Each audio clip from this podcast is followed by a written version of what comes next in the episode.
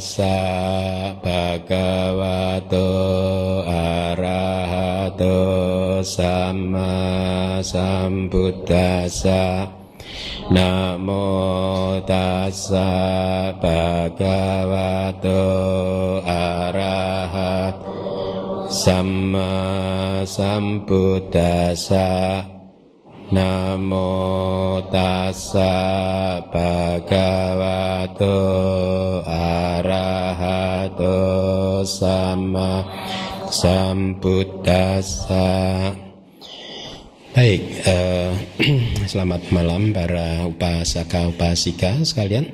Semoga Anda semua sehat malam hari ini dan juga batin Anda juga sehat, damai dan bahagia siap untuk uh, belajar atau melanjutkan pelajaran tentang abidama. Nah, uh, minggu yang lalu saya kita sudah menyelesaikan apa 12 jenis kesadaran yang tidak baik ya.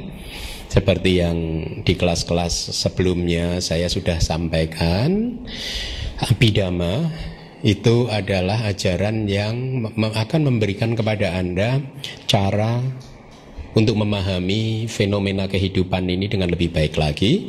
Yang pertama adalah dengan menganalisa, analisa dan kemudian sintesa. Ya, kali ini kita akan menganalisa dulu fenomena apa kalau saya mengatakan fenomena itu fenomena apa sih? Fenomena kehidupan. Nah, fenomena kehidupan itu apa saja sih? Fenomena kehidupan itu kan hanya fenomena melihat, fenomena mendengar, fenomena mencium dengan hidung Anda, fenomena merasakan rasa makanan atau apa pun dengan lidah Anda, fenomena menyentuh objek dengan tubuh kulit Anda, dan juga fenomena yang murni muncul di hati Anda, fenomena batin ya termasuk misalkan fenomena batin yang murni itu adalah keserakahan, kemarahan, ya, kemurahan hati itu semua fenomena yang sebenarnya murni muncul di hati Anda, di batin Anda atau penyesalan dan lain sebagainya. Kebahagiaan itu murni di hati Anda, itu ya. Tidak muncul di mata Anda, tidak muncul di telinga Anda, tidak muncul di hidung Anda, tidak muncul di lidah Anda, tidak muncul di uh, tubuh. Meskipun di tubuh nanti ada uh, uh, fenomena yang berkaitan dengan kesadaran tubuh yang disertai dengan perasaan bahagia itu ada. Tetapi kan di dalam kehidupan Anda problem psikologis terbesar sebenarnya ada di fenomena yang ada di dalam batin Anda itu kan? Ya. Nah uh, itu yang saya maksud dengan uh, fenomena. Nah abidama menganalisa kehidupan ini fenomena-fenomena tadi itu ke dalam unsur-unsurnya yang terkecil. Jadi kita pecah-pecah dulu kehidupan ini, ya. Kalau di kelas yang lalu saya sudah meminta Anda menghafalkan uh, dhatu atau elemen. Ada berapa macam elemen? 18 elemen kan?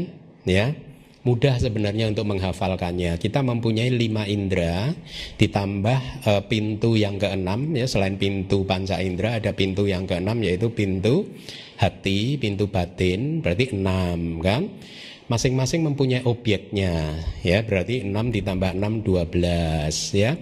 Pada saat pintu tersebut, indera-indera tersebut bertemu dengan obyeknya maka akan muncul kesadarannya 6 lagi berarti ada 18 bisa diistilahkan juga menjadi elemen, jadi ada 18 6 kali 3, 18 elemen. Masih ingat ya? Tidak pelajaran yang terdahulu. Caku, datu atau elemen, mata. Kemudian rupa, datu, elemen, objek mata katakanlah seperti itu ya. Kemudian caku, winyana, datu atau elemen kesadaran mata dan seterusnya ya. Nah, itu adalah fenomena kehidupan. Kehidupan sebenarnya ya hanya itu saja ke 18 ini saja. Dan Anda harus uh, menghafalnya dan kemudian mulai membiasakan diri untuk menganalisa kehidupan Anda dan Anda klasifikasikan, Anda kelompokkan ke dalam elemen-elemen tadi. Misalkan pada saat sekarang Anda mendengarkan suara saya ada berapa elemen minimal yang sedang bekerja? Tiga elemen telinga, elemen suara, kemudian elemen kesadaran telinga ya. Eh, jadi ada 18 elemen ini Anda hafalkan, kemudian Anda renungkan dan kemudian Anda coba aplikasikan, Anda terapkan di dalam kehidupan sehari-hari ya. Mulai membiasakan diri untuk mengaplikasikan pelajaran abidama di dalam kehidupan Anda sehari-hari sehingga apa nanti akhirnya eh, lihat akan ada perubahan dalam diri Anda bahwa keakuan Anda akan menjadi makin melemah karena Anda akan mulai melihat dengan jelas bahwa semua elemen tadi itu ternyata hanyalah fenomena yang Anda melihatnya sendiri muncul bertahan sesaat dan kemudian hilang gitu. Tidak ada satu wujud yang kekal, satu wujud yang padat, yang tidak berubah-ubah ya dan Anda nanti akan mulai bisa membedakan bahwa elemen telinga tidak bisa untuk melihat elemen mata tidak bisa untuk mendengar dan seterusnya ya. Jadi segala sesuatu elemen-elemen tadi muncul dan lenyap, muncul dan lenyap, muncul dan kemudian lenyap dan tidak ada wujud yang mengendalikannya. Tidak ada wujud yang uh, apa? Uh, yang mengatur proses melihat, tidak ada wujud yang mengatur proses mendengar dan seterusnya. Kekosongan, anatta. Tanpa aku, proses ini kosong, tanpa aku, tanpa diri, tanpa roh, ya. Kalau uh, minggu yang lalu saya sudah uh, sampaikan itu Kenapa sih kita harus menganalisa atau memecah-mecah fenomena yang padat ini ke dalam elemen-elemen kan? Uh, di dalam kitab-kitab Abhidhamma itu ada kalimat seperti ini. Nana datu yo wini bujitwa gana wini boge kate kemudian anatala kanang ya dawa sarasato upatati gitu. jadi artinya uh, apa nana datu yo wini bujit dua ya dengan memecah-mecah fenomena ke dalam elemen-elemennya. Kenapa kita harus memecah-mecah? Kalimat selanjutnya menjawab gana wini boge kate demi untuk bisa menganalisa, memecah fenomena uh, wujud yang solid, yang padat ya Wujud yang padat ini harus kita pecah-pecah ke dalam elemen. Kenapa kita harus memecah-mecah wujud yang padat? Jawaban jawabannya ada di kalimat berikutnya. Anatalakanang yatawa sarasato upadati. Anatalakanang yatawa sarasato. Karakteristik dari anata upadati akan dipahami yatawa secara tepat. Ya, Paham? Jadi kenapa kita harus menganalisa fenomena kehidupan ke dalam elemen-elemennya karena demi untuk bisa mampu memecah fenomena yang kelihatan padat, kelihatannya padat, gana wini boge kate anatala kanang ya dawa sarasato uh, upadati.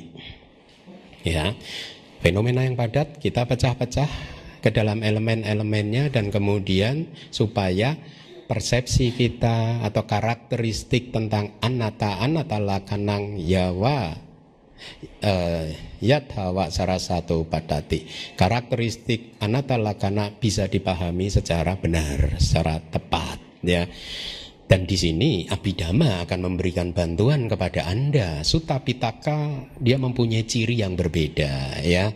Tidak memberikan data yang lengkap tentang bagaimana e, mengurai fenomena-fenomena yang padat ya. Minggu lalu saya akan mengingatkan sedikit lagi e, e, supaya untuk refreshing your memory. E, sekarang Anda mulai merubah persepsi Anda terhadap Anda ya bahwa ternyata tidak ada aku yang menjadi identitas Anda yang melakukan ini, yang melakukan itu, tidak ada aku yang melihat, tidak ada aku yang mendengar. Hari ini kita akan akan akan belajar tentang sesungguhnya siapa sih yang melihat, sesungguhnya siapa sih yang mendengar. Ya hari ini akan kita pelajari. Nah, minggu lalu saya sudah memberikan pertanyaan kepada Anda. Siapa yang melanggar sila yang pertama coba? Masih ingat nggak?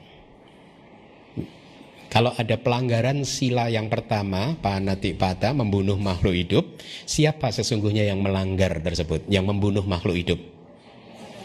Dosa mula cita, bagus. Bukan Anda kan? Cia. Siapa yang membunuh nyamuk? Yang nyemprot baikon siapa? Dosa mula cita, bukan Anda. Iya, selamat. Ya. Anda mulai melihat seperti itu cara-cara menerapkan pengetahuan abidama. Siapa yang melanggar sila yang kedua? Yang meng, me, mencuri, mengambil sesuatu yang bukan miliknya. Loba mula cita, bisa juga dosa mula cita ya. Siapa yang berbohong?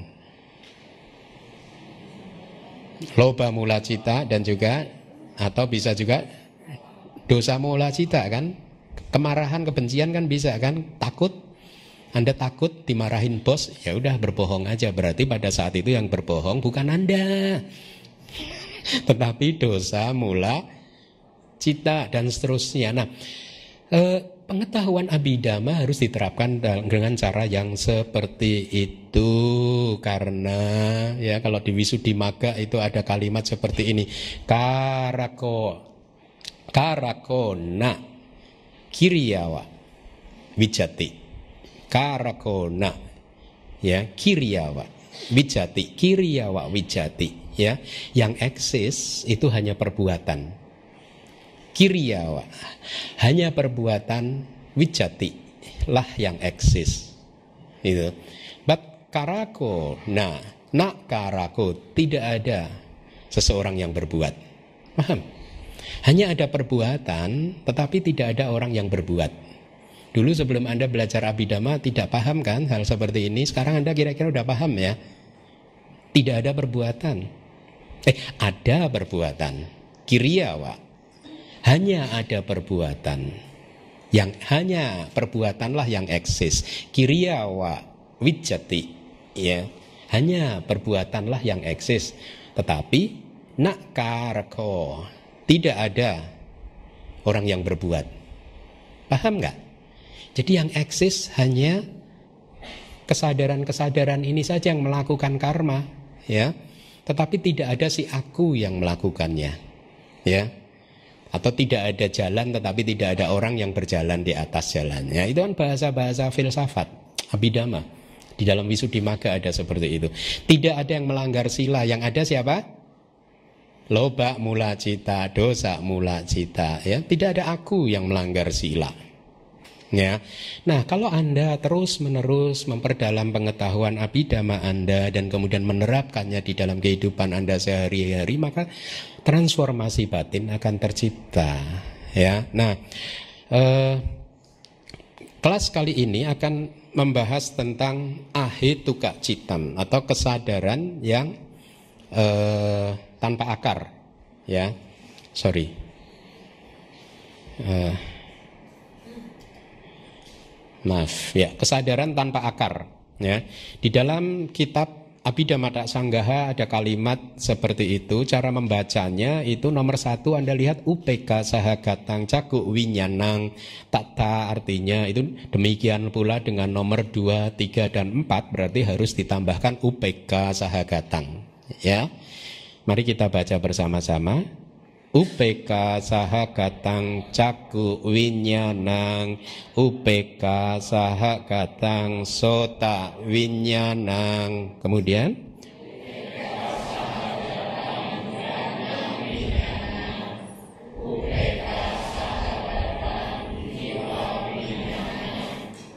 Tanpa. Tanpa. Tanpa UPK kan sudah ada duka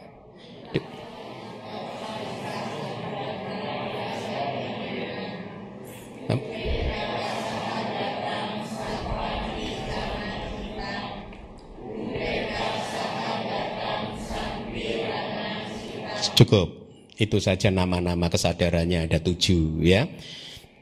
Jadi eh, bahasa Indonesianya mari kita baca bersama-sama nomor satu kesadaran mata dengan ketenangan demikian pula kesadaran telinga disertai dengan ketenangan kesadaran hidung disertai dengan Kesadaran lidah disertai dengan ketenangan, kesadaran tubuh sertai dengan ketidaknikmatan, kesadaran menerima disertai dengan ketenangan, kesadaran menginvestigasi disertai ketenangan. Nah, ini nama tujuh kesadaran yang disebut kesadaran tanpa akar ya.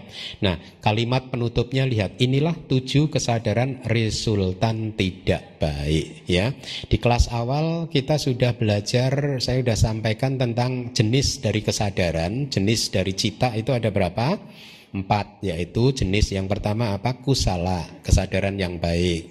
Jenis kesadaran yang kedua, aku salah, kesadaran yang tidak baik. Jenis yang ketiga, wipaka, kesadaran resultan. Yang keempat, kiria, kesadaran fungsional. Nah sekarang kita sedang mempelajari jenis yang ketiga, kesadaran wipaka, resultan. Apa yang Anda pahami dengan kata resultan? Secara singkat Kesadaran resultan adalah kesadaran result, ris, uh, buah hasil, buah dari karma Anda.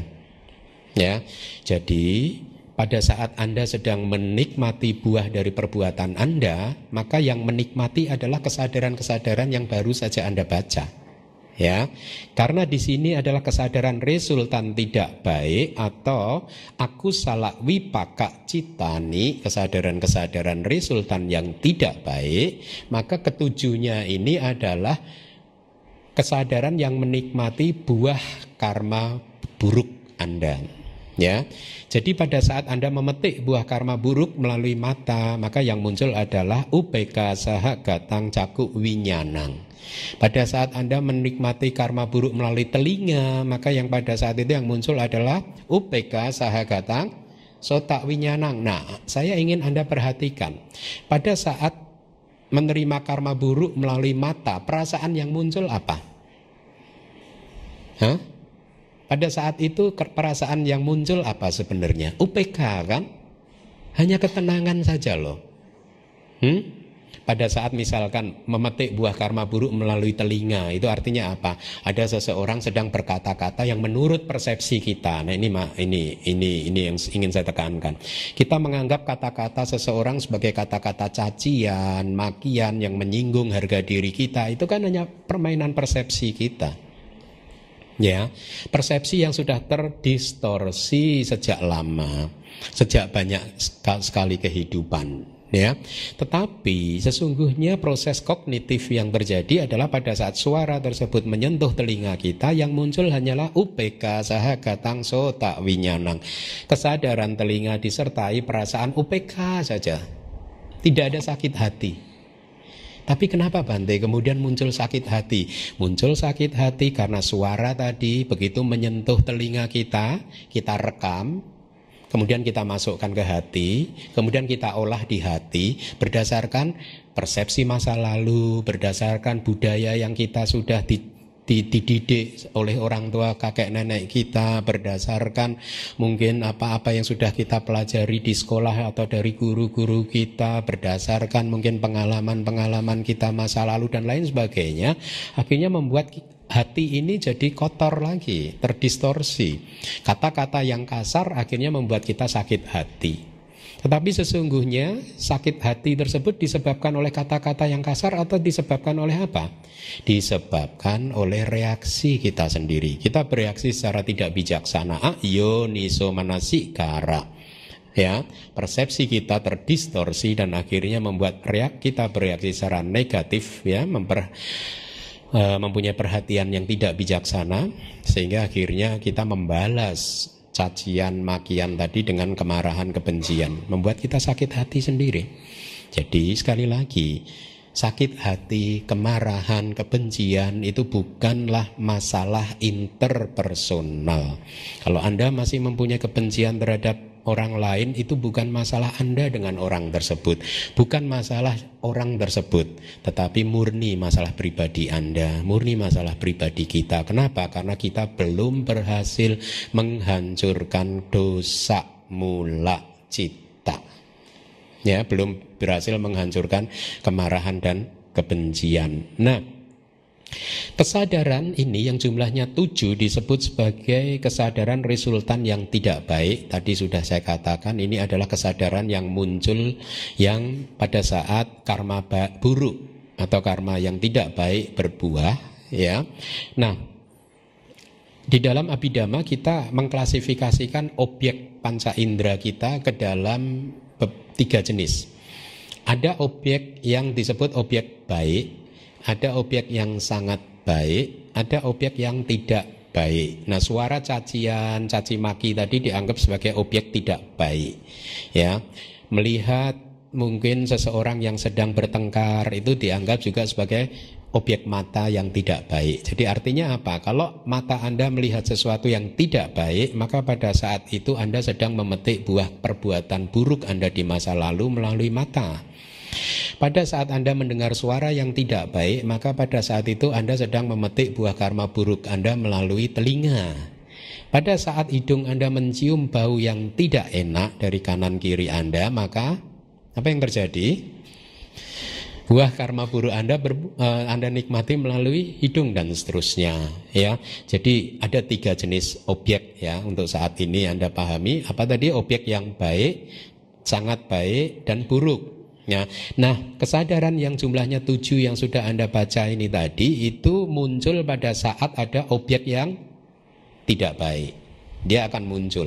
Kesadaran mata yang ini yang akan menangkap objek tidak baik itu. Ya. Nah, eh, Anda juga harus perhatikan di sini kita tidak memakai istilah uh, aku salawi pakak citani atau tujuh kesadaran kesadaran resultan yang tidak baik. Tidak ada kata tanpa akar ya. Nanti di bagian yang berikutnya yang kedua akan ada diselipkan kata uh, tanpa akar. Ya jadi untuk buah karma yang tidak baik, aku salawi paka kesadaran kesadaran yang merupakan resultan dari karma tidak baik tidak dibedakan menjadi tanpa akar atau dengan akar karena buah karma buruk selalu saja tanpa akar ya. Nah, eh, baik mari eh, kita lanjutkan penjelasan dari kitab komentarnya, sub komentarnya tiga ya apa yang kita bisa dapatkan.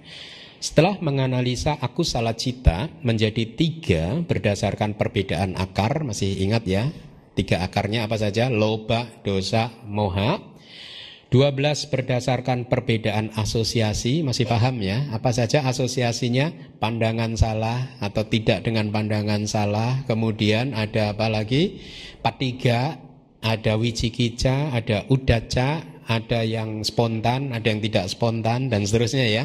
Jadi variasi-variasi itu yang yang membuat kesadaran yang tidak baik menjadi bervariasi jumlahnya menjadi 12 beliau pengarang buku dari Wibawinitika sekarang akan menunjukkan jenis kesadaran yang tanpa akar.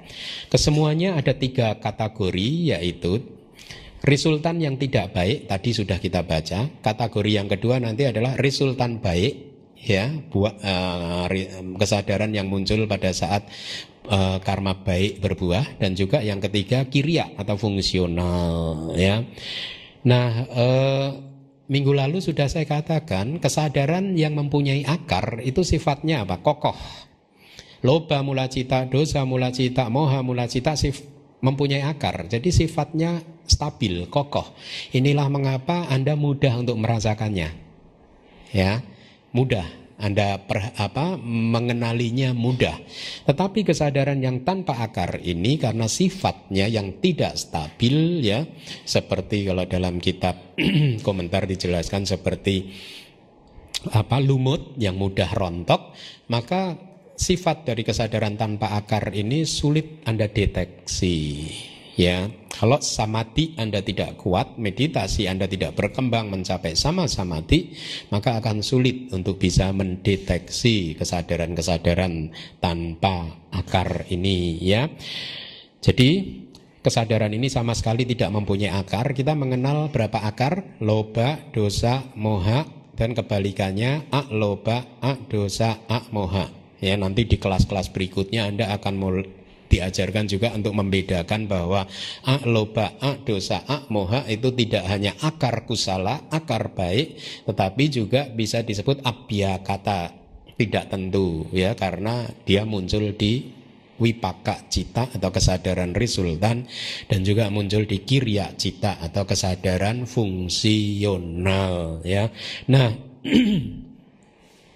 eh, kesadaran ini ya karena hanya merupakan hasil ya buah dari karma maka eh, dia juga tidak bisa disebut sebagai kusala atau aku salah tidak bisa karena jenisnya berbeda kan? Ya ada empat jenis kusala aku salah wipaka kirya nah yang sudah anda baca dari jenis wipaka atau resultan ya. Nah kesadaran tadi itu muncul pada saat Tadi sudah saya sampaikan Anda kita semua sedang muncul proses batin, proses kognitif, melihat, mendengar, dan seterusnya ya. Nah, inilah mengapa tabel yang keempat saya bagikan, nanti akan kita lihat ya. Ini adalah satu contoh proses kognitif, proses melihat ya. Pada saat Anda melihat dengan indera mata Anda, maka cita atau kesadaran ya muncul dan lenyap sesuai dengan hukumnya seperti yang di tabel keempat ini. Ini yang disebut cita niyama hukum tetap dari cita atau kesadaran atau uh, juga bisa diterjemahkan menjadi batin ya. Nah uh, seterusnya tujuh kesadaran yang tidak baik dibedakan sesuai pendukungnya. Artinya apa? Pendukungnya mata telinga hidung lidah tubuh ya. E, juga dibedakan sesuai fungsinya yaitu untuk melihat mendengar dan seterusnya. Nanti ada yang menerima menginvestigasi dan seterusnya ya. E, dari aku salawi pakak cita muncul variasinya. Ada berapa tadi? Tujuh ya. Nah mari kita analisa satu persatu Mata, apa yang disebut mata di sini? Caku. Yang disebut mata adalah yang melihat ya. Setelah diarahkan oleh kesadaran, tentu saja yang melihat sebenarnya adalah kesadaran, tetapi kesadaran mata, cakuk winyana tidak bisa muncul kalau mata, indera mata kita tidak ada juga.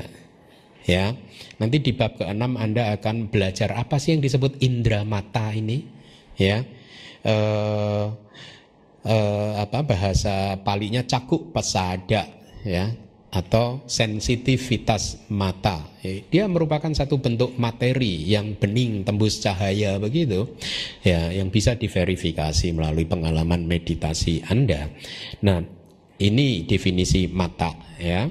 Kemudian kalau di Sutta di Majjhima Nikaya ada kalimat magandia mata itu bersenang-senang di objek mata, dibuat gembira dan sukacita oleh objek mata. Jadi saya tampilkan ini semata-mata supaya Anda tahu bahwa kesadaran mata itu fungsinya hanya melihat saja.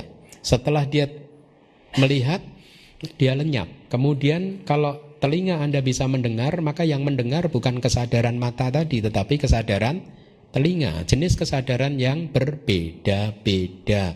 Nah, selama ini mungkin Anda masih menganggap ada wujud yang solid, ada aku, ada roh di dalam hati Anda yang melakukan fungsi melihat juga melakukan fungsi mendengar dan seterusnya. Kali ini, malam ini Anda akan diajarkan oleh pengetahuan abidama Anda bahwa proses melihat dan proses mendengar dan proses yang lain itu dilakukan oleh jenis kesadaran yang berbeda.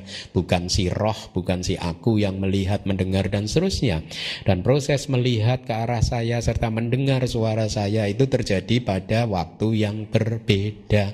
Tidak bisa ada dua proses muncul tumpuk-tumpukan bersama-sama ya saling sat, silih berganti. Satu proses sam, muncul sampai selesai kemudian lenyap disusul dengan proses berikutnya ya. Mata di sini tadi sudah saya sebutkan cakuk pasada bahasa palinya itu satu bentuk rupa ya. Jadi kebenaran hakiki yang ketiga selain cita cetasika ada rupa. Saya terjemahkan jadi sensitivitas mata yaitu materi yang lahir dari kama dan bersumber pada hasrat untuk melihat. Jadi Anda mempunyai, mempunyai bola mata ini karena bola mata ini adalah buah dari karma Anda yang muncul juga dari di masa lalu ada satu hasrat untuk melihat, untuk menikmati objek-objek mata terus, ya.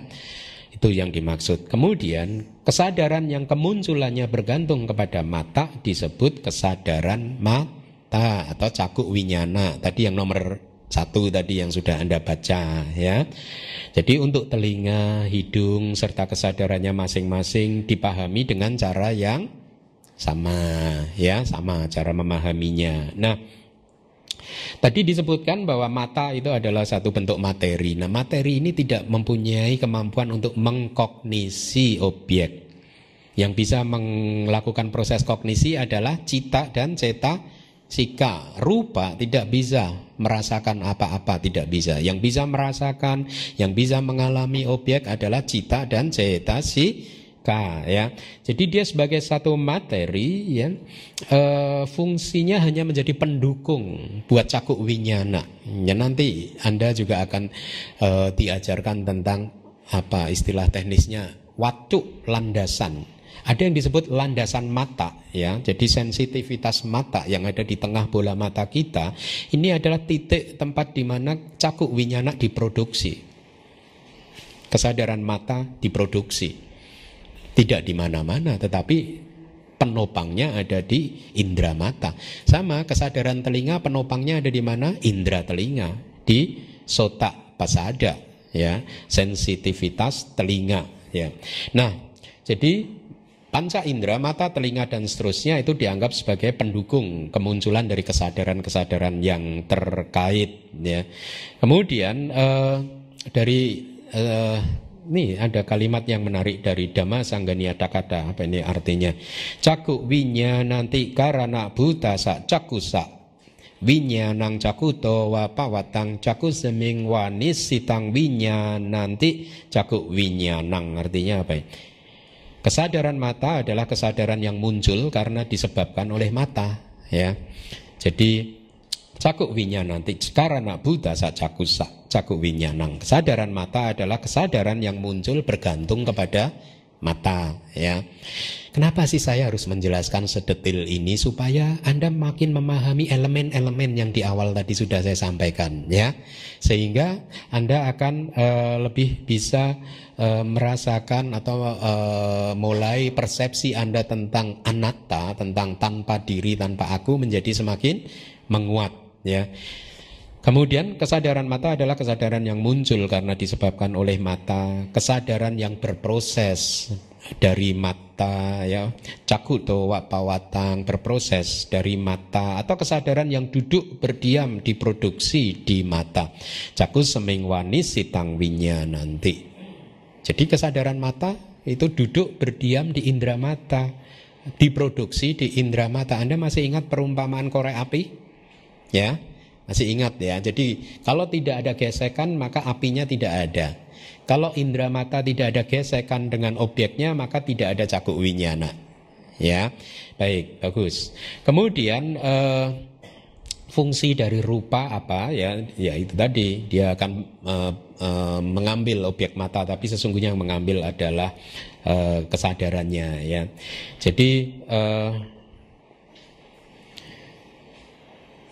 di dalam Dhamma Sanggani juga disebutkan ya apa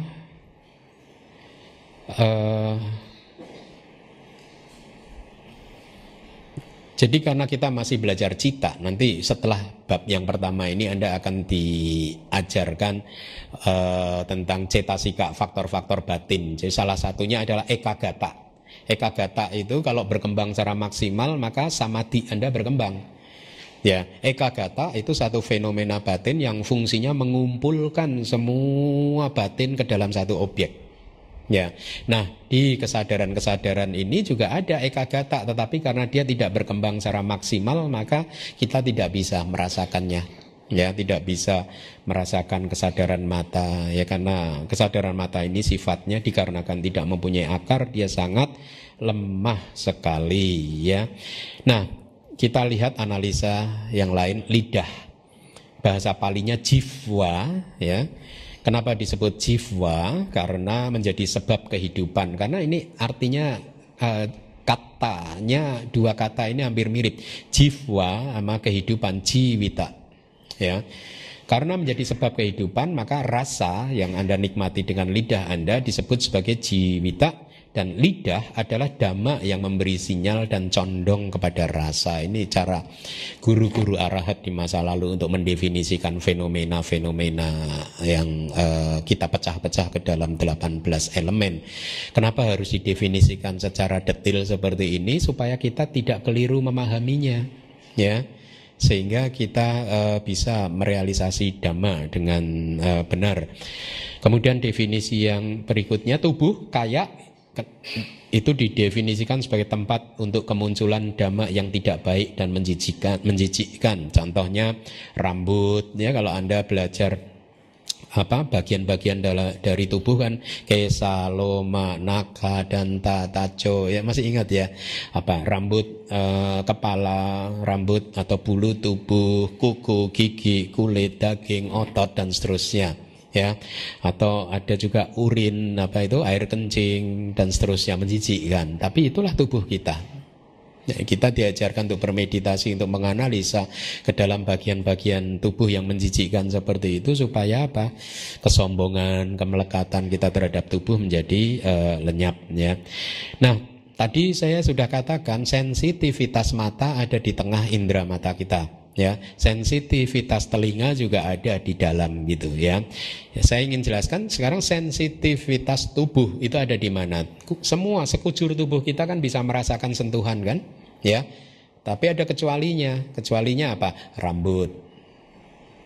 Inilah mengapa kalau anda sedang dipotong rambut anda tidak menjerit-jerit. Ya. Kuku anda itu tidak ada sensitivitas tubuh atau kayak pesada ya Kemudian kulit yang tebal yang sudah mati itu sensitivitas tubuhnya sudah tidak ada sehingga kalau kulit tebal Anda bisa potong begitu saja dan Anda tidak merasakan sakit apa pun. Tapi selebihnya ada sensitivitas tubuh ya. Setiap kali disentuh Anda bisa merasakannya Inilah mengapa kadang Anda mendengar ada guru-guru dhamma yang mengatakan bahwa batin adanya di mana? Ada di mana-mana di seluruh tubuh Anda karena di mana pun disentuh Anda akan merasakannya kecuali tadi mana rambut. Nah saya nggak punya. ya, jadi eh, kira-kira seperti itu. Kemudian mari kita lanjutkan. Sifat alamiah dari sensitivitas tubuh kaindria adalah uh, sorry kaya pasada adalah untuk mengambil benda yang berwujud potaba, benda yang berwujud itu objek kulit Anda itu loh, objek sentuhan. Tetapi sesungguhnya yang merasakan sesungguhnya bukan tubuh Anda tetapi kaya winyana, citanya, kesadarannya ya. Para mata damanya adalah kaya pesada sensitivitas tubuh. Ya, nanti di bab ke-6 kalau hal ini. Nah, kita lihat lagi definisi dari tadi Anda memperhatikan tidak pada saat membaca kesadaran tubuh maka perasaan yang muncul apa? Duka kan rasa sakit kan? Ya. Jadi eh, pada saat misalkan kita berbenturan dengan ini terlalu keras akan muncul rasa sakit. Dan dikatakan menurut Abhidhamma rasa sakit ini muncul karena apa? Kita sedang memetik buah karma buruk. Ya.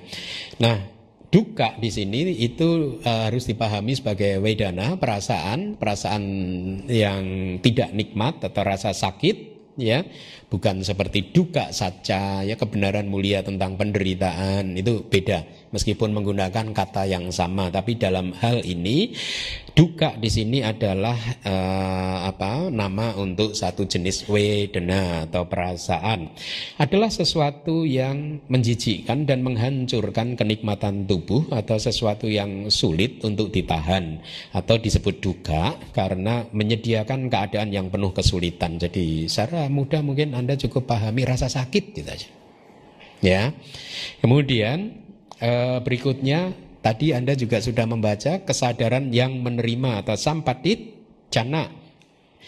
eh, di dalam kitab tafsir ada kalimat karena kemunculannya adalah untuk menerima objek panca indera yang diambil oleh lima kesadaran indrawi panca winyana gahitang. Jadi Anda lihat di proses kognitif ini, Anda lihat eh, kesadaran yang menerima itu ada di nomor 6 itu.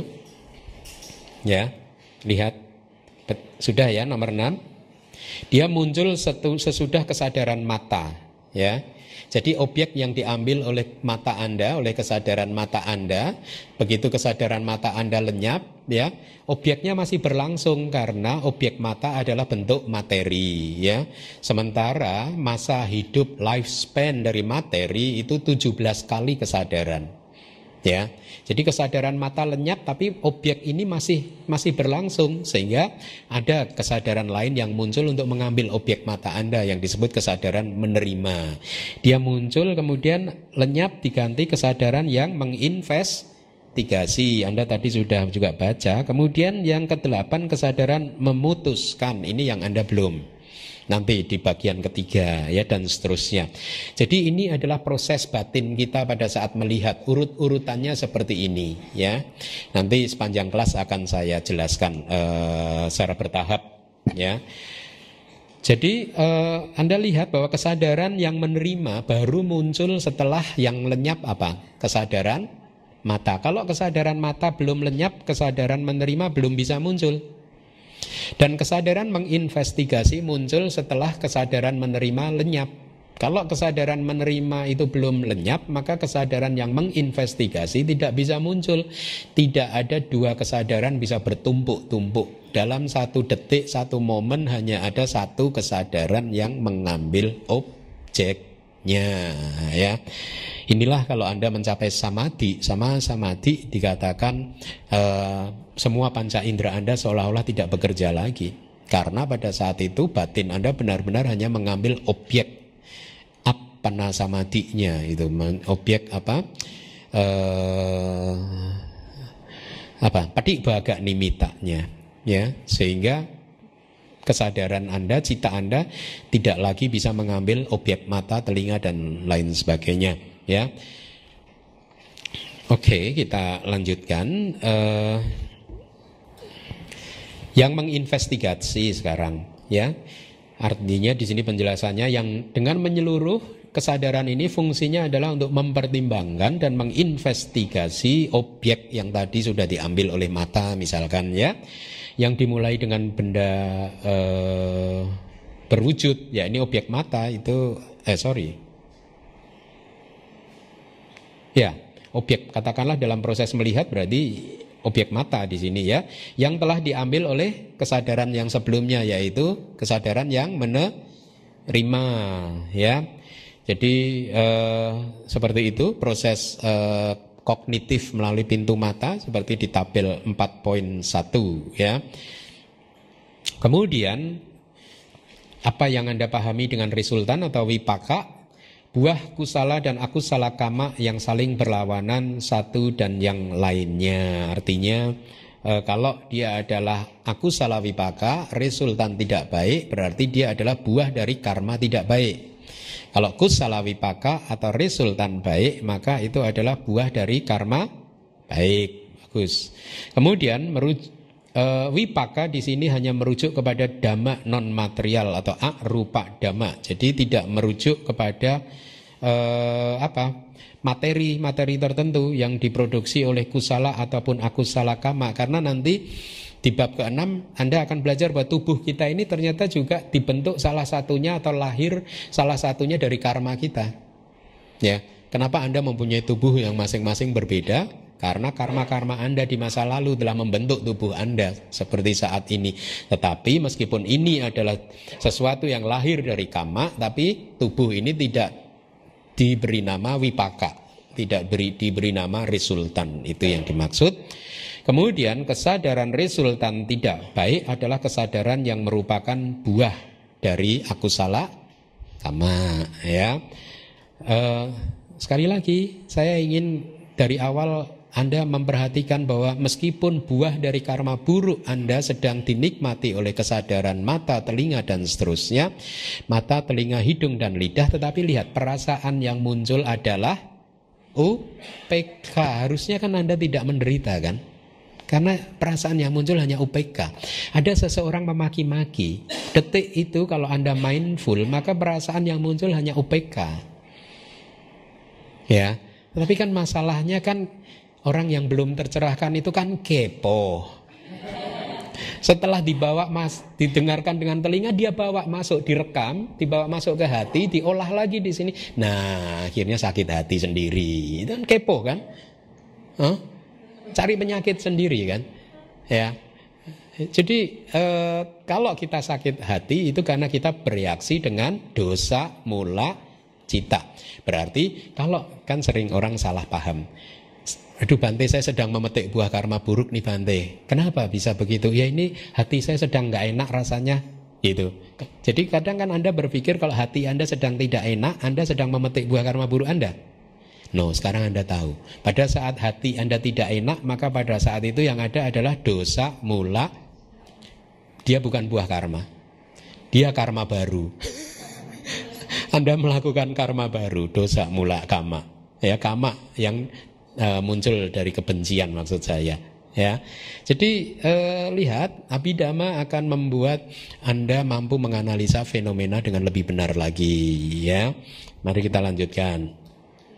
Sekarang kita masuk di kelompok yang kedua. Kalau tadi kelompok yang pertama itu adalah kesadaran tanpa akar yang eh, kesadaran resultan buruk tidak baik. Sekarang kita akan mencoba melihat kesadaran tanpa akar resultan baik buah dari karma baik. Mari kita baca seperti tadi nomor 8.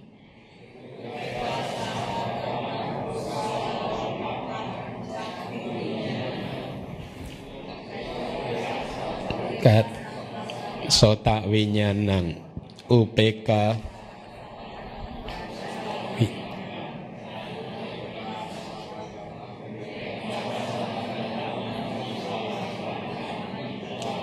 Nomor 13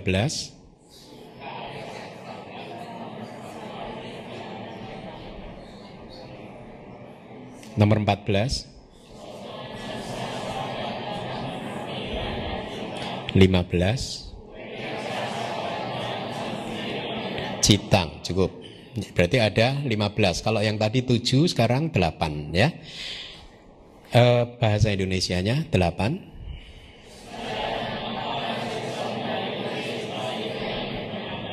Sembilan.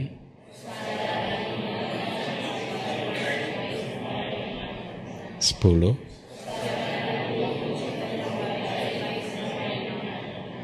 Terus. Kemudian. Terus. 14 15 Kalimat terakhir Secara singkat inilah yang menikmati buah karma baik Ya. Eh, Anda perhatikan yang berwarna kuning ya. Nomor 12 disertai dengan kenikmatan atau somanasa ya. Eh sorry suka suka ya. Eh, dengan rasa nyaman. Contohnya kalau Anda melihat misalkan Anda menyukai kain sutra ya. Kalau tidur gitu spraynya itu bed covernya sutra dan kalau itu Anda objek yang Anda sukai lihat tubuh Anda merasa nyaman kan? Kulit Anda merasa nyaman ya. Ya. Atau Anda disentuh oleh pacar Anda, suami Anda, istri Anda. Huh? Yang muncul apa perasaannya? Karma baik berbuah atau karma buruk yang berbuah? ya. Perhatikan yang berwarna kuning disertai dengan uh, suka, wedana, ya, kenikmatan. Kemudian kesadaran menginvestigasi kali ini ada yang jenis yang berbeda dengan kelompok yang sebelumnya yaitu disertai oleh so manasa atau sukacita dan juga ada uh, tanpa akar di sini. Uh, kalau tadi tidak ada kata ahitukanya ya. Nah, kalau kelompok tujuh yang tadi itu muncul pada saat objeknya adalah apa tadi? Tidak baik, maka yang ini muncul pada saat objeknya baik ya. Nah, berkaitan dengan nomor 13 14 dan 15 kesadaran menginvestigasi itu ada yang disertai sukacita tapi ada juga yang disertai oleh ketenangan kan? Ada dua jenis kan? Kenapa berbeda? Yang disertai dengan sukacita itu muncul pada saat objeknya sangat-sangat baik. Sangat-sangat menyenangkan objeknya. Yang disertai dengan ketenangan kalau objeknya biasa-biasa aja ya. Tidak buruk tapi menyenangkan tapi datar biasa-biasa saja majata saja tengah-tengah saja ya. Nah eh, tadi kan di awal saya sudah sampaikan mulai anda memecah-mecah fenomena ke dalam berapa jenis elemen 18 ya pelan-pelan. Anda mulai hafalkan kelas yang sebelumnya. Apa saja sih 18 elemen? Sekarang Anda sudah paham. Kesadaran mata itu satu elemen kesadaran telinga satu elemen ya. Jadi Anda lihat di dua kelompok ini ada lima kesadaran indrawi kan mata, telinga, hidung dan seterusnya. Ada lima kan. Tadi juga ada lima kan, berarti sepuluh kan. Lima plus lima itu di Myanmar sering dipakai istilah dwi panca winyana atau kesadaran indrawi. Dua apa namanya? Dua rangkap mungkin ya. Kesadaran indrawi ya. Eh, dwi panca winyana ya. Berarti paling tidak sudah ada sepuluh elemen yang Anda ketahui kan. Nanti dengan kesadarannya masing-masing eh, sorry dengan eh, apa? Sorry, lima kesadaran indrawi, kemudian juga panca indranya, kemudian objeknya dan seterusnya Anda mulai eh, analisa ya pengalaman kehidupan Anda sehari-hari. Nah, eh, ini di Dhamma Sanggani ada definisi yang bagus tentang elemen. Saya sudah sering sekali menggunakan kata elemen, tetapi eh, apa yang kita pahami dengan elemen gitu. Sebawa sunyata nisata dena nijiwa. Ada kata nijiwa, nisata. Jadi ini bukan nisata, bukan makhluk, nijiwa, bukan jiwa juga. Elemen itu bukan makhluk, bukan jiwa, bukan roh ya, tetapi hanyalah satu elemen yang mempunyai sebawa, sifat alamiahnya individunya, sifat mempunyai sifat masing-masing ya. Sifat hakikinya yaitu apa? kosong, kekosongan sunyata. Kekosongan itu maksudnya apa? Kosong dari suka, eh sorry, kosong dari nica, kosong dari kekekalan maksud saya, kemudian kosong dari kebahagiaan dan kosong dari atta. Ini maksudnya sunyata, kekosongan. Kosong dari kekekalan, Kebalikannya anicca dukkha dan anatta. Ya, kosong dari kekekalan, kosong dari kebahagiaan, kosong dari aku atau diri atau roh ya. Nah, eh, nomor Anda lihat nomor berapa ini? UPK Santirana yang nomor berapa? 15. Kesadaran ini juga bisa berfungsi sebagai kesadaran penyambung kelahiran kembali atau patik sandi winyana. Ini adalah kesadaran yang berfungsi untuk memunculkan kehidupan, untuk memunculkan kelahiran. Ini adalah kesadaran yang muncul pertama kali ya di dalam satu kehidupan. Jadi kita dulu waktu memasuki kandungan orang mamah kita ada kesadaran pertama yang muncul itu disebut patik sandi winyana ya ada banyak jenisnya tetapi kita mengambil satu dan salah satunya dari 19 itu salah satunya adalah Nomor 15, kesadaran menginvestigasi yang disertai ketenangan. Kalau ini menjadi patik sandi memunculkan kehidupan, maka dia akan memunculkan kehidupan sebagai manusia, tetapi manusia yang cacat. Ya, yang misalkan apa? Uh, manusia yang buta, tapi maksudnya buta sejak lahir. Ada kan manusia yang buta sejak di dalam kandungan atau tuli ya, tuli dari kandungan, dari awalnya udah tuli. Kenapa? Karena dia patik sandinya kesadaran yang memunculkan kehidupannya yang tanpa akar, tidak kuat sehingga tidak cukup kuat untuk memunculkan indera mata atau tidak cukup kuat untuk memunculkan indera telinga sehingga dia lahir tuli ya. Atau tidak cukup kuat untuk memunculkan kebijaksanaan sehingga dia lahir ide idiot ya ya kemudian ada yang menjadi gila, udah lahir langsung gila, kasihan ya.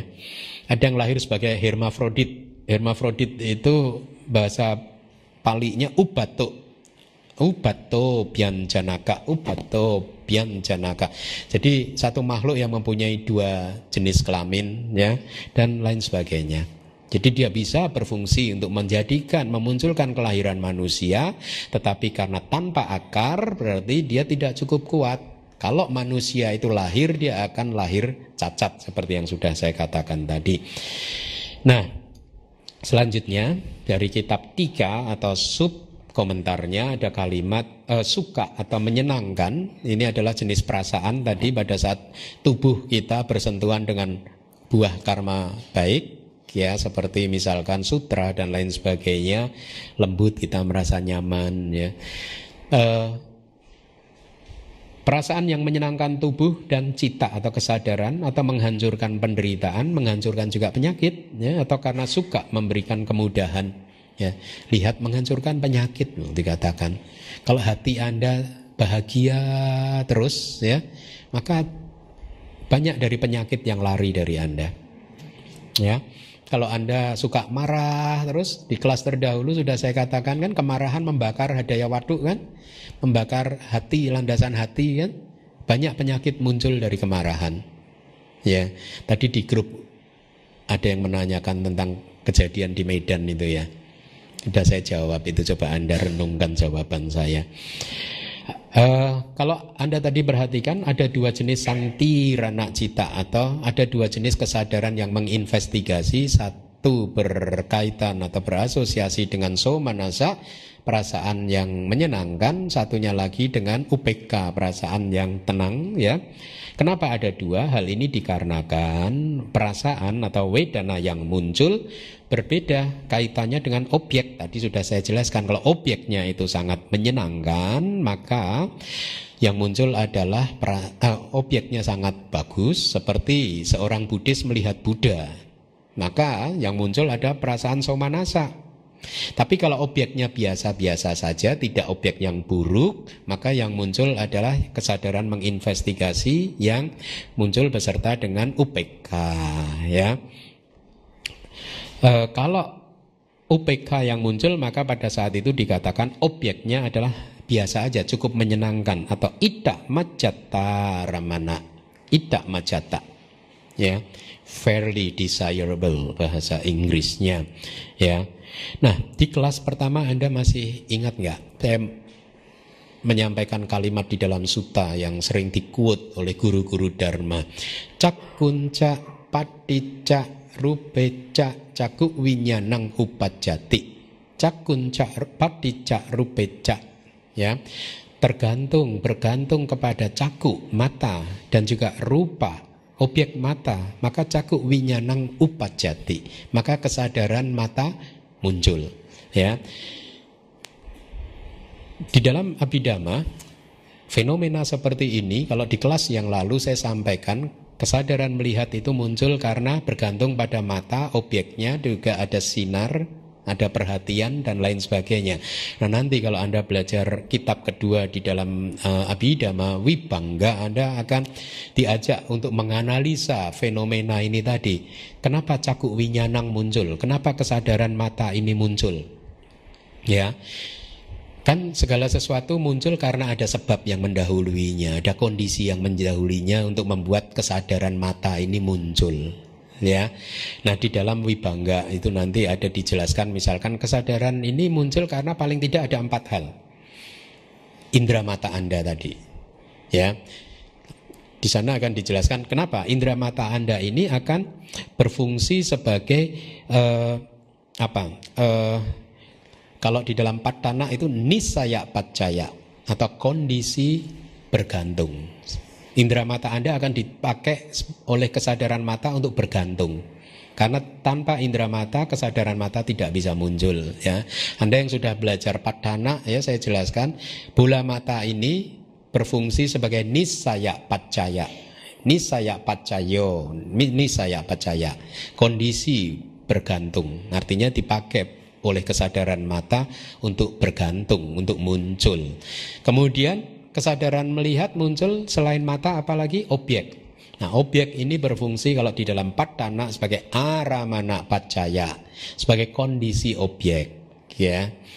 Ini buat Anda yang sudah belajar uh, patana. Kemudian ada lagi mungkin nanti apa uh, di dalam proses melihat ini tidak hanya melihat saja yang muncul, ada kontak, ada perasaan wedana, ada persepsi, ya, ada juga ekagata tadi, ya, kemanunggalan batin yang muncul. Ya, mereka semua ini di dalam patana disebut sahak jata pacaya. Jadi kondisi yang muncul bersama-sama dengan uh, kesadaran uh, mata. Kemudian tadi di dalam ini tadi Anda melihat kesadaran mata muncul dia harus menunggu kesadaran sebelumnya lenyap. Apa dulu? Apa yang harus lenyap dulu? Hmm? Kesadaran mata kan nomor lima, dia muncul setelah nomor empat lenyap. Kesadaran nomor empat apa? Yang mengarahkan ke lima pintu indera. Maka kesadaran yang mengarahkan ke lima pintu indera atau panca dua wajana ini berfungsi sebagai kondisi apa wigata, kelenyapan. Jadi dia harus lenyap dulu baru ada proses kesadaran mata muncul. Ya. Jadi ini hubungan sebab akibat ya. Sesuatu yang mengkondisikan harus ada dulu baru kesadaran mata muncul ya. Uh, kemudian uh, berikutnya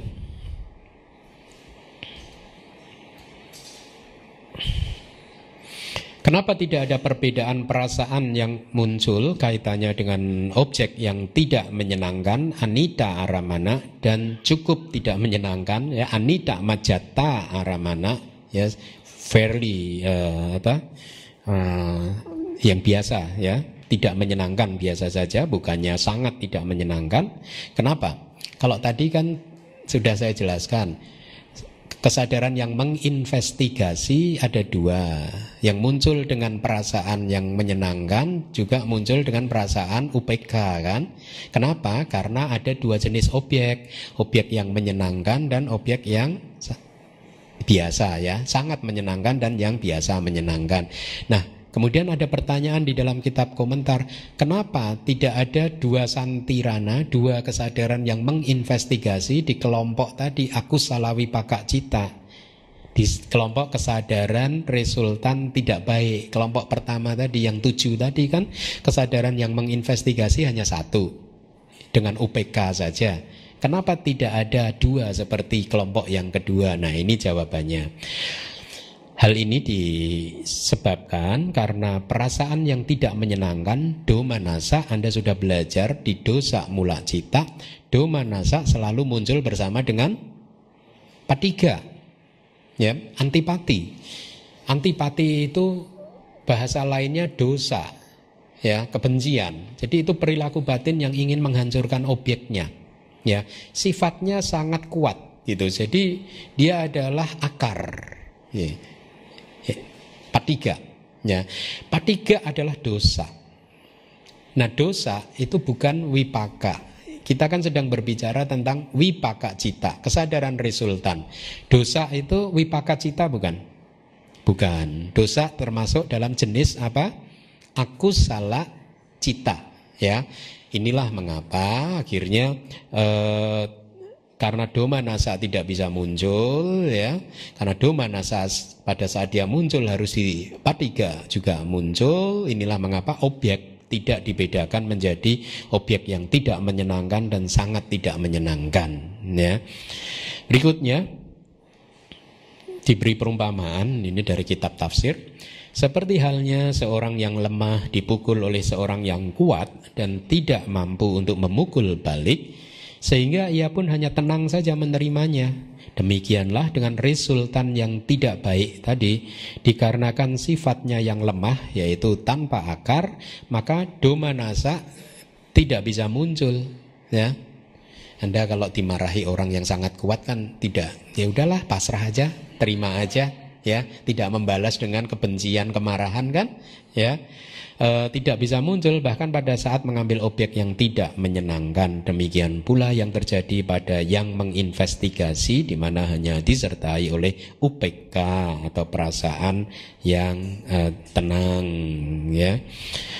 E, berikutnya kita analisa lima pasang kesadaran indrawi. Ya apa saja itu? Kesadaran mata buah dari karma buruk dan karma baik. Kesadaran telinga buah dari karma buruk dan karma baik dan seterusnya. Jadi ada lima pasang ya. Kita sudah pelajari juga sepuluh nama kesadarannya ya. empat pasang kesadaran resultan yang diawali dengan kesadaran mata. Berarti apa saja?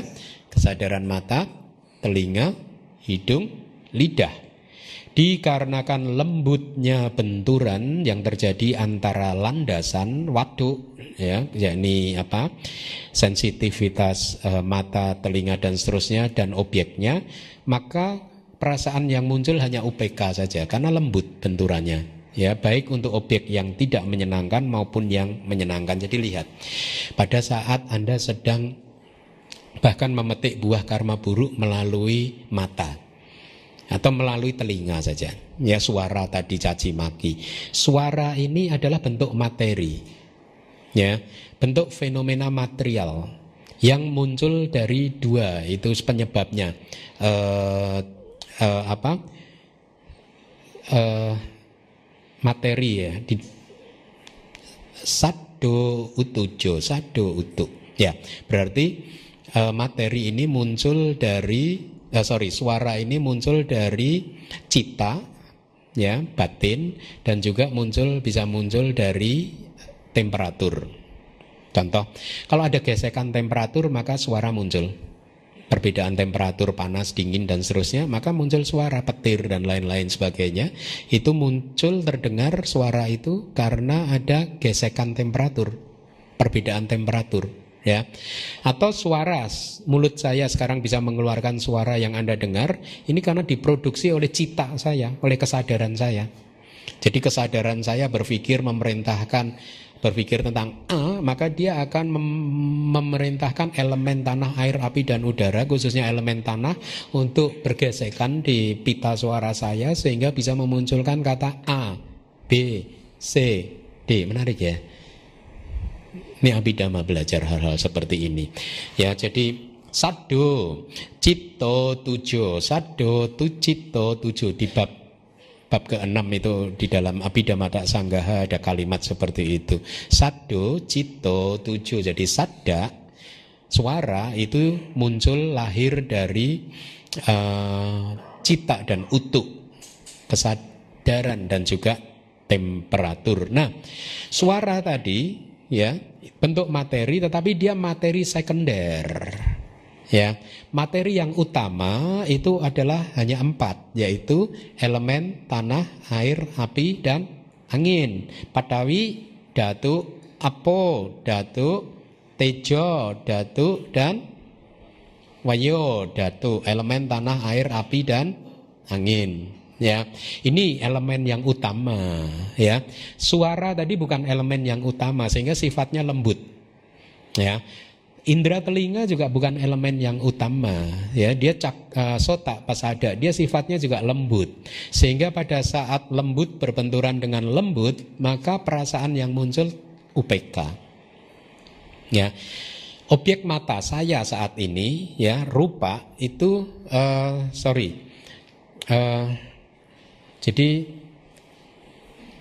benturan antara landasan dan objek saya akan jelaskan dengan perumpamaan ini ya.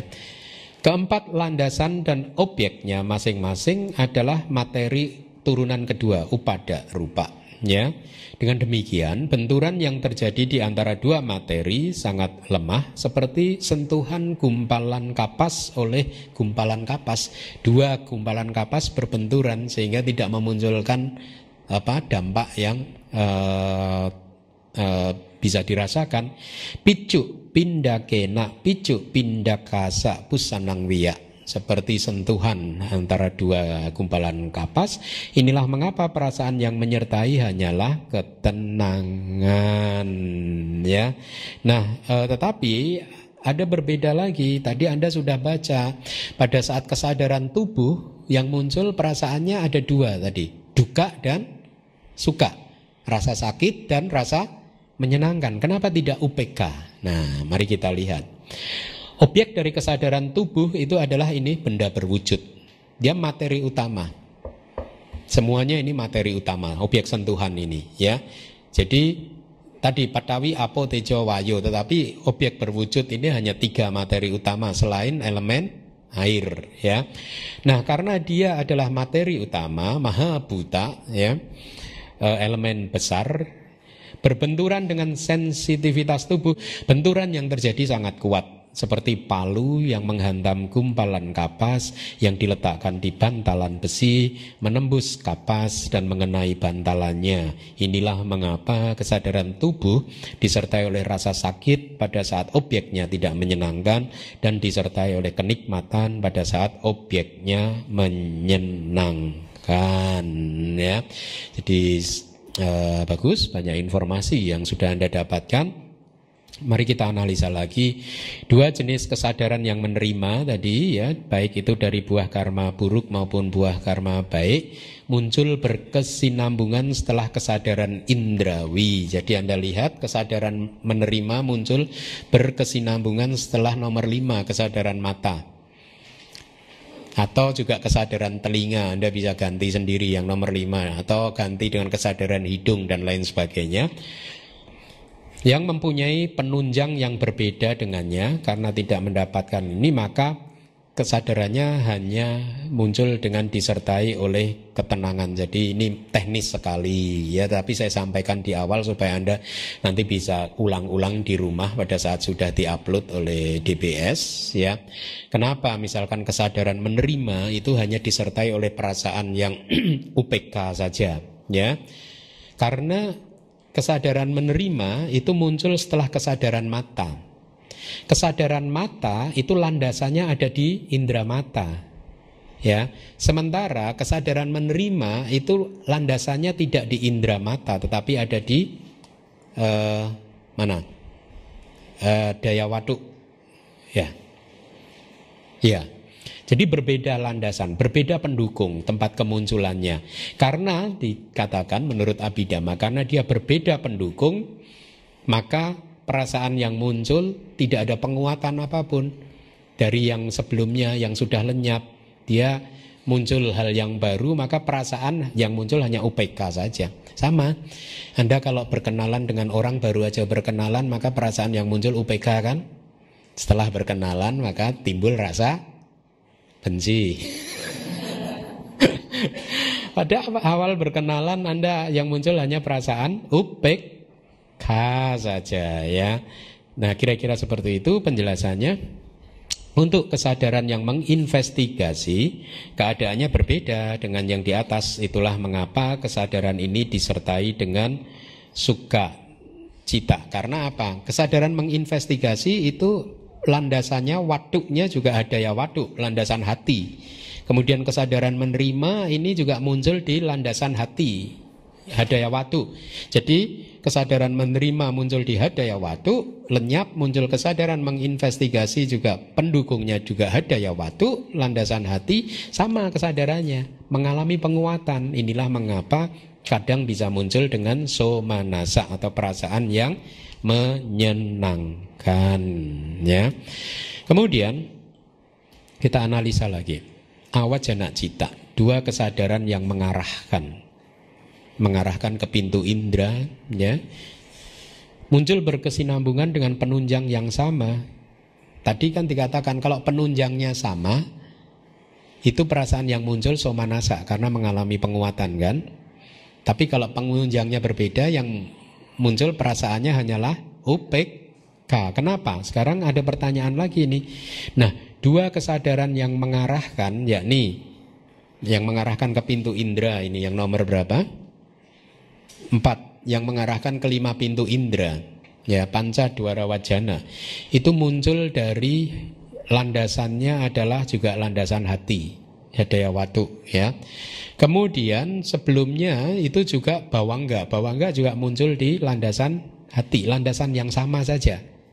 Ya mengalami penguatan sebenarnya. Tetapi kenapa perasaan yang muncul hanya UPK? Dijelaskan di sini jawabannya adalah kesadaran yang mengarahkan ke lima pintu indera muncul hanya sekali dengan objek yang belum diambil oleh kesadaran apa pun sebelumnya. Nah ini teknis ya nanti di bab keempat sebenarnya. Tetapi karena di kitab tafsir ada maka saya cantumkan uh, dan jadi kesadaran yang mengarahkan ke pintu indera e, muncul hanya sekali kiriak cita dengan objek yang belum diambil oleh kesadaran apa pun sebelumnya dan yang lainnya yaitu kesadaran yang mengarahkan ke pintu batin nanti di kelompok yang ketiga Anda akan uh, belajar itu mengarahkan arus kesadaran ke jenis yang berbeda yaitu jenis jawana ya. Mengantisipasi tugas yang berbeda. Oleh karena itulah mereka tidak bisa menikmati rasa dari objeknya dan hanya disertai oleh perasaan net netral majata wedana sampayuta berasosiasi dengan majata wedana perasaan yang tengah-tengah yang netral saja ya Kemudian kesadaran tanpa akar resultan baik adalah kesadaran yang merupakan tadi buah dari kusala kama atau kama baik dan tidak mempunyai akar ya.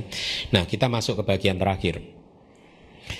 Kesadaran yang ke-16 silahkan dibaca.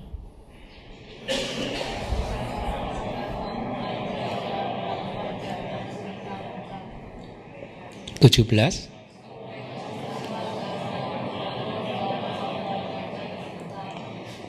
18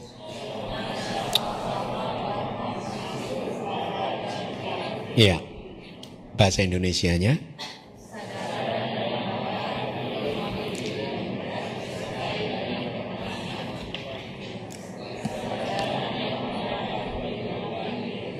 Disertai dengan ketenangan juga. UPK 18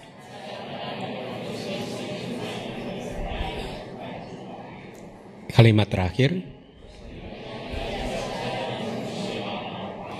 Fungsional bahasa palinya kiria. Jadi semua jenis kesadaran tanpa akar sudah selesai kita baca. 7 tambah 8 tambah 3 berapa anak-anak? 18 Berarti ada berapa jenis kesadaran tanpa akar?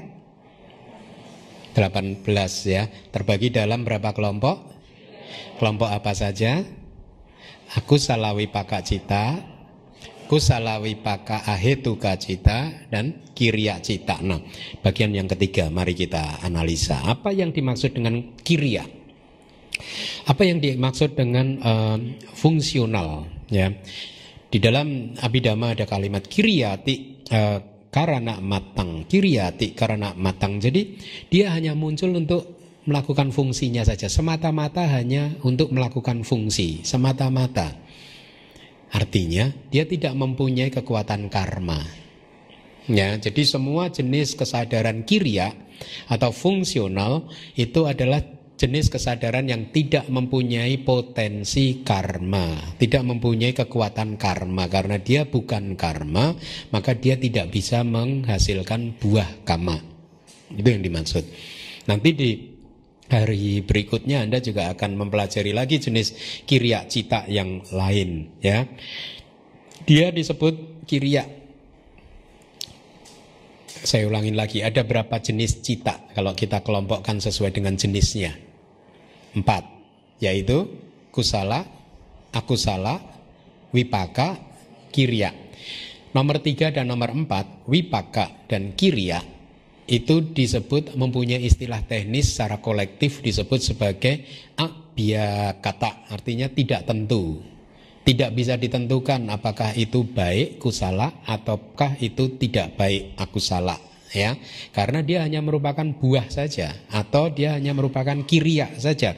Ti karena matang. Hanya melakukan muncul hanya untuk melakukan fungsinya kemudian lenyap tanpa meninggalkan potensi kama ya.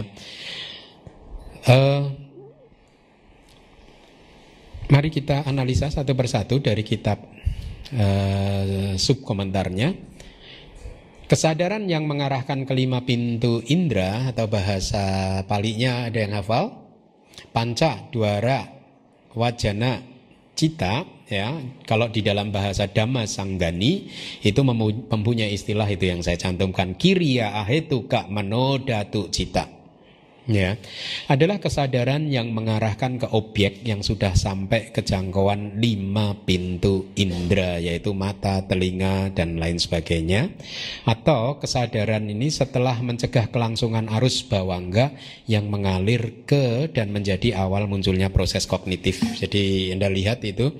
Jadi yang mengarahkan kelima pintu indera adalah kesadaran yang mengarahkan uh, batin kita ke objek yang sudah sampai ke jangkauan lima pintu indera. Misalkan, Anda bisa melihat ke arah saya karena saya sudah masuk dalam jangkauan indera mata Anda, ya.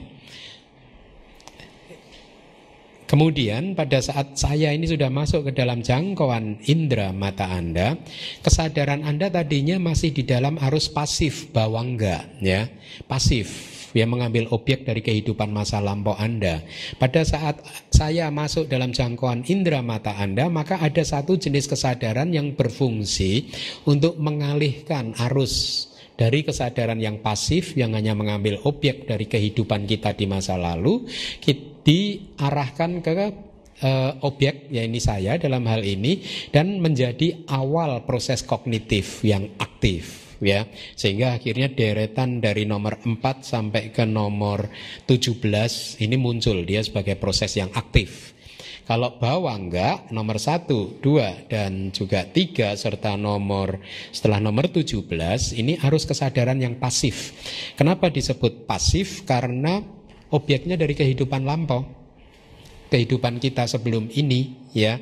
Nah, jadi inilah yang dimaksud tadi dengan panca dwara wajana cita atau kesadaran yang mengarahkan kelima pintu indera ya. Kemudian kesadaran yang mengarahkan kalau tadi kelima pintu indera sekarang ke pintu batin yaitu yang nomor berapa? 17. Apa tadi?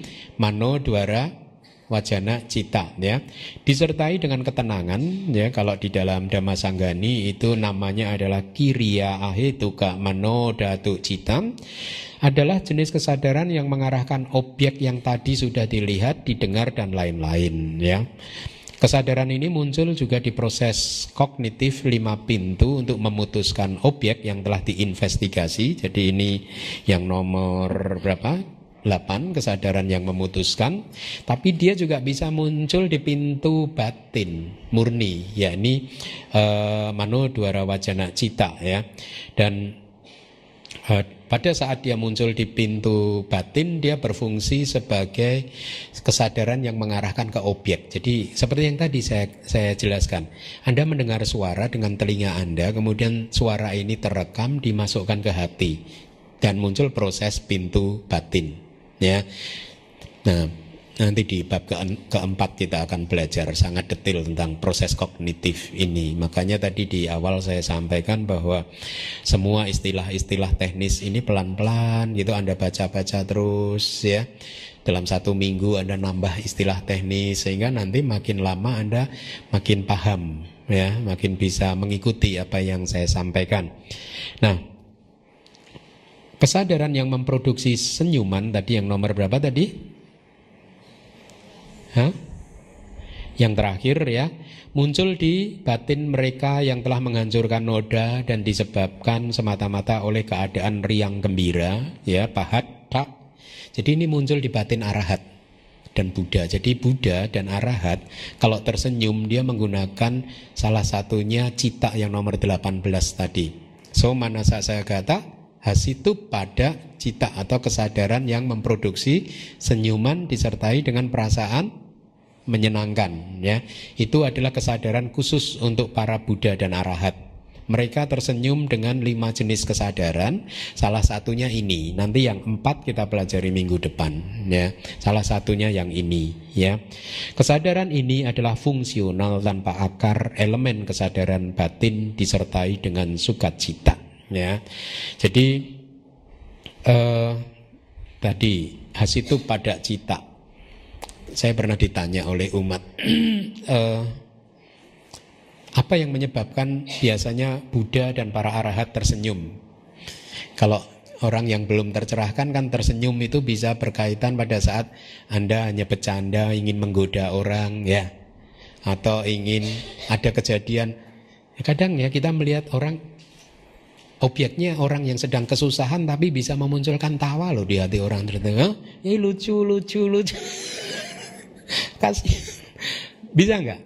Objeknya objek tidak baik tapi memunculkan tawa juga, memunculkan senyum. Nah, pertanyaannya sekarang adalah apa saja sih yang membuat Buddha dan Arahat tersenyum? Ya dengan uh, misalkan salah satunya dengan kesadaran seperti ini dikatakan di dalam mungkin Dhammasanggani mungkin. Jadi arahat dan Buddha tersenyum bisa dikarenakan muncul sesuatu yang muncul melalui enam pintu. Ya ini istilah teknis. Pintu mata ya kenapa disebut sebagai pintu? Karena indera mata. Jadi indera mata ini mempunyai banyak sekali istilah ya. Bisa menjadi elemen bisa menjadi landasan bisa menjadi pintu. Tapi masing-masing itu definisi dan fungsinya berbeda-beda. Kenapa disebut pintu mata bukan landasan mata? Disebut pintu mata karena indera mata kita ini adalah tempat titik di mana kesadaran mata bertemu dengan sesuatu di luar mata seperti pintu rumah Anda adalah titik buat Anda untuk bertemu dengan objek di luar pintu di, rum, di luar rumah Anda. Ya, nah Buddha dan Arahat bisa tersenyum karena ada sesuatu yang muncul di enam pintu, yaitu pintu apa? Mata, telinga, hidung, lidah, tubuh, dan juga manodwara, pintu batin. Nah, apa saja? Bagaimana Buddha tersenyum pada saat melihat objek yang muncul uh, kesadaran matanya bertemu di pintu mata dengan objek mata. Nah, jadi uh, soma nasa citanya atau kesadaran yang disertai dengan perasaan menyenangkan, misalkan tersenyum pada saat mereka melihat wihara atau cetia atau hutan yang nyaman untuk berlatih nyaman untuk bermeditasi ya. Maka senyum bisa terkembang bisa muncul. Atau melalui pintu telinga bagaimana mereka tertawa. Pada saat ada so, uh, uh, apa? Seseorang bercerita bahwa di sana di pasar ada orang yang sedang belanja ini saling tawar menawar dibelenggu oleh keserakahannya. Maka kadang arahat mendengar cerita seperti itu bisa tersenyum bukan untuk mengejek. Tersenyumnya dia membayangkan bahwa dia sudah tidak mempunyai kualitas hati yang seperti itu, yang tidak punya keserakahan seperti itu. Jadi ada satu kedamaian dan kebahagiaan bahwa dia sudah melakukan tugas apa yang harus dia lakukan sudah dia lakukan. Katang karaniang dan what should be done ya, menghancurkan kekotoran batin sudah dia lakukan. Jadi dia tersenyum. Atau bagaimana arahat tersenyum berkaitan dengan pintu hidung ya. Maka uh, dijelaskan bahwa soma nasa citanya atau kesadaran yang ber apa uh, muncul dengan apa perasaan menyenangkan itu uh, muncul pada saat beliau mempersembahkan wewangian ya kepada di dalam cetia ada cetia. Cetia itu tempat menyimpan apa? Kalau di kitab tempat menyimpan apa? Uh, relik ya. Jadi beliau masuk ke cetia kemudian mempersembahkan bunga ya. Kemudian mencium harumnya bunga dan bunga ini ditujukan untuk relik para Buddha atau arahat di masa lalu. Maka beliau bisa tersenyum karena objek hidung atau rasa lidah bagaimana beliau tersenyum. Beliau tersenyum karena setelah beliau berpindah patah pulang ke hutan atau ke cet, eh, ke, ke, ke kutinya dan setelah membagi makanan hasil pindah patah dan seterusnya. Kemudian dia memakan makanannya. Dia memunculkan senyum dengan berpikir saya sudah melakukan sesuatu yang baik dengan membagi hasil pindah patah ini kepada yang lain Ya, jadi tersenyum karena memikirkan perbuatan baik yang baru saja dia lakukan.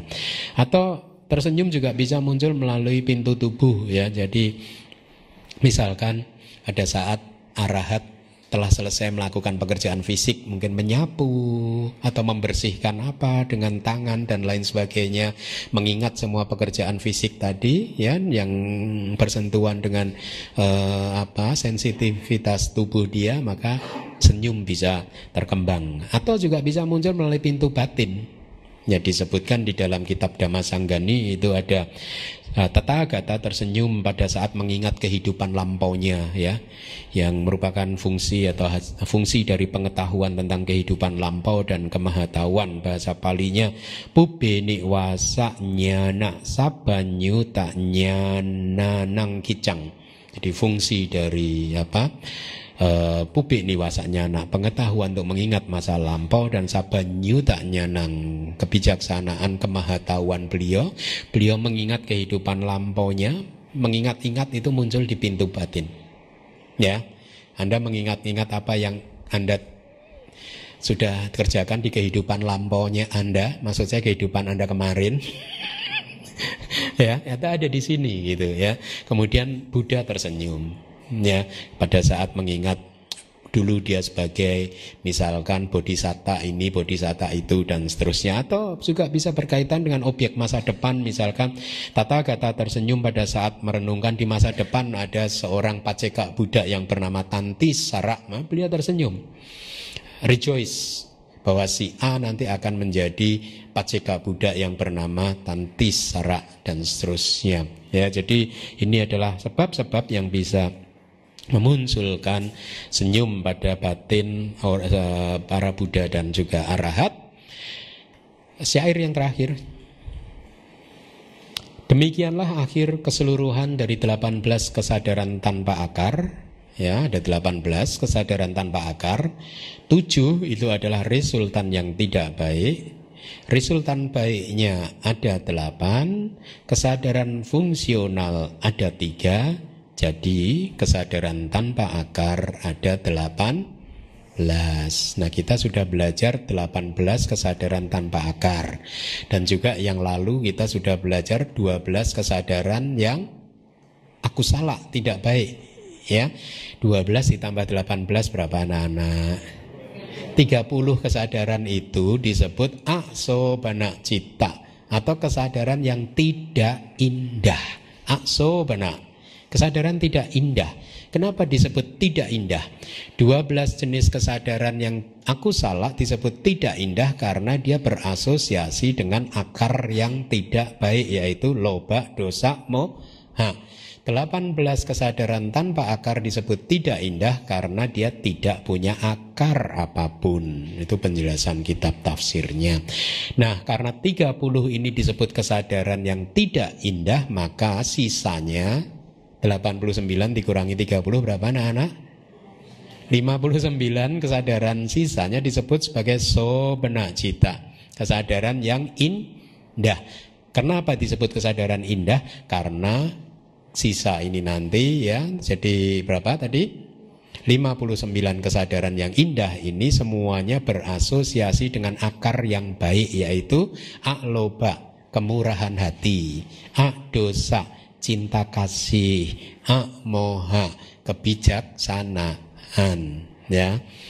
Jadi mulai minggu depan kita mulai belajar kesadaran yang baik-baik, kesadaran yang melakukan karma baik. Jadi karma baik dilakukan oleh siapa? Kesadaran baik, bukan Anda. baik, jadi demikianlah kelas kita pada malam hari ini. Terima kasih.